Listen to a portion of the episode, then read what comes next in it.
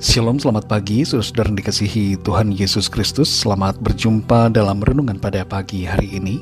Doa dan harapan saya, saudara semua, selalu ada dalam keadaan yang baik, sehat, penuh sukacita, selalu bersemangat, dan penuh dengan berkat-berkat Tuhan.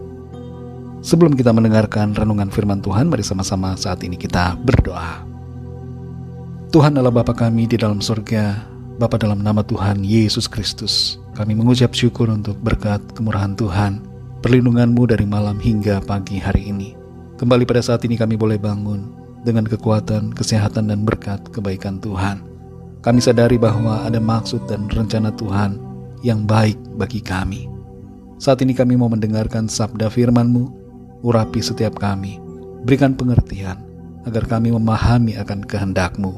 Dalam nama Tuhan Yesus kami berdoa. Haleluya. Amin.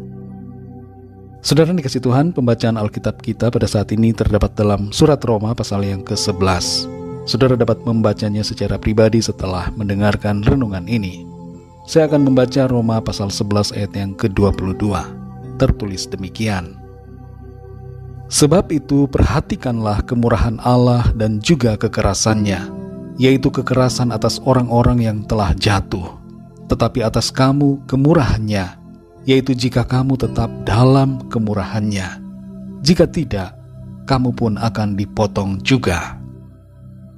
Saudara dikasih Tuhan, ada sebuah istilah yang disebut dengan kekebalan diplomatik, di mana aturan mengenai ini berlaku di seluruh dunia. Seorang diplomat dari sebuah negara beserta dengan keluarganya tidak dapat dituntut karena tindakan kriminal apa pun, baik pidana ataupun perdata yang dilakukan di negara penerima di mana dia dan keluarganya ditugaskan. Hal ini merupakan sebuah keistimewaan yang sangat luar biasa dan merupakan sebuah kebanggaan bagi diplomat yang bertugas. Tapi sayangnya saudara, beberapa diplomat dalam sejarah telah menyalahgunakan kekebalan diplomatik ini dengan melakukan tindakan kriminal di negara di mana mereka bertugas. Memang mereka tidak bisa dituntut, tapi negara pengutus dapat menarik mereka kembali dan membebas tugaskan serta mengadili seorang diplomat yang melakukan kejahatan berdasarkan hukum di negara yang mengutus. Kekebalan diplomatik ini merupakan sebuah gambaran yang dapat membantu kita untuk mengerti bagaimana posisi dan status kita sebagai orang-orang yang sudah percaya kepada Tuhan Yesus Kristus. Saudara dan saya yang beriman kepada Tuhan Yesus telah dibebaskan dari hukum dosa dan hukum maut. Kita telah ditebus dari dosa, diselamatkan, dijadikan warga kerajaan sorga. Kita dibenarkan dan dikuduskan, serta dikaruniakan kehidupan yang kekal.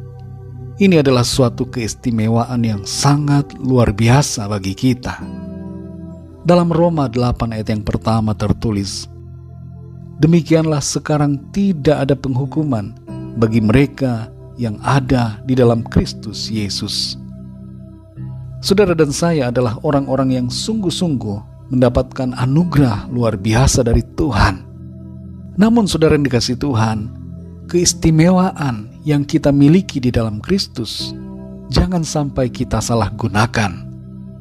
Keselamatan yang telah kita miliki, jangan kita pandang sebagai suatu kesempatan untuk hidup seenaknya, menuruti keinginan-keinginan dosa, dan bahkan memberontak terhadap Tuhan.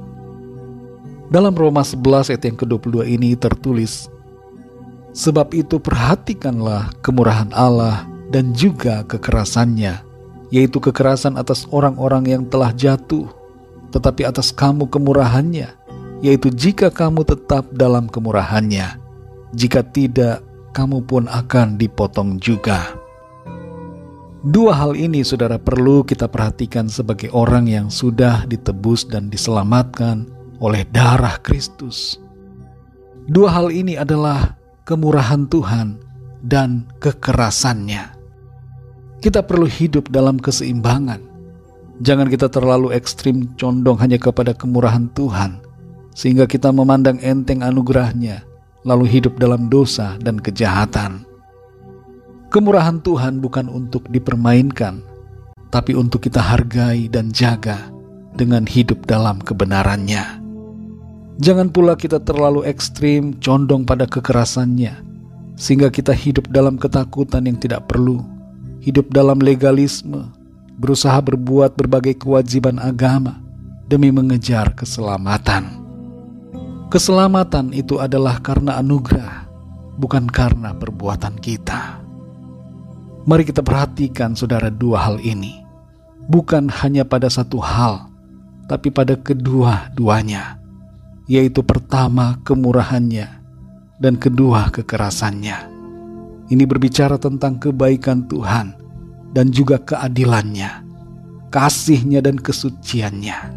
Kita perlu memperhatikan dua hal ini saudara, agar kita hidup dalam keseimbangan yang benar sebagai orang-orang yang percaya.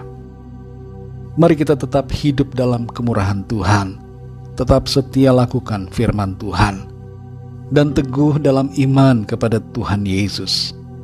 Bersyukurlah saudara karena kita sudah diselamatkan dan diberikan anugerah hidup yang kekal. Dan berbarengan dengan itu, kerjakanlah keselamatan kita dengan hidup dalam ketaatan pada kehendak Tuhan.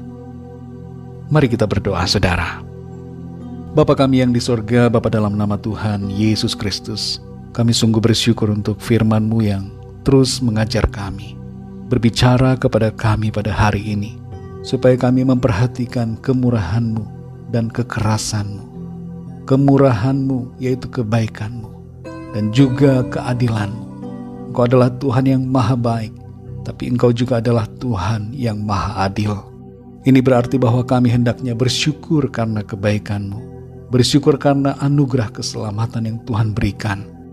Tapi berbarengan dengan itu, kami juga perlu hidup dalam takut akan Engkau. Hidup sungguh-sungguh mengasihi dan melakukan apa yang menjadi perintahmu atas kami. Terima kasih untuk firman-Mu Tuhan. Ajar kami untuk menghargai kemurahan-Mu. Tidak memandang enteng kemurahan dan kesabaran-Mu. Tapi terus ya Tuhan, mengasihi Engkau, hidup setia, melakukan kehendak Tuhan. Berkati dan pimpin kami ya Tuhan di sepanjang hari ini dalam segala tugas aktivitas kami, dalam studi, dalam pekerjaan, dalam pelayanan dan dalam segala apa pun yang kami lakukan. Biarlah semuanya itu senantiasa memuliakan nama Tuhan. Kami berdoa mohon lawatanmu bagi setiap kami yang sakit mengalami kesembuhan, yang lemah mendapat kekuatan baru, yang susah dihiburkan, yang terikat terbelenggu dosa kuasa kegelapan, saat ini mengalami kelepasan dan kemenangan, dan yang mengalami persoalan masalah mendapatkan jalan keluar. Pertolonganmu yang ajaib Tuhan nyatakan. Terima kasih Tuhan kami bersyukur.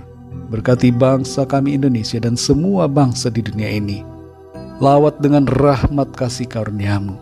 Berkati semua gereja-gerejamu, umat-umatmu Tuhan dan berkati setiap keluarga kami masing-masing secara pribadi. Terima kasih Bapa, kami serahkan semua ke dalam tangan kasih-Mu. Hanya dalam namamu yang kudus, nama Tuhan Yesus Kristus, kami sudah berdoa dan mengucap syukur. Haleluya, amin.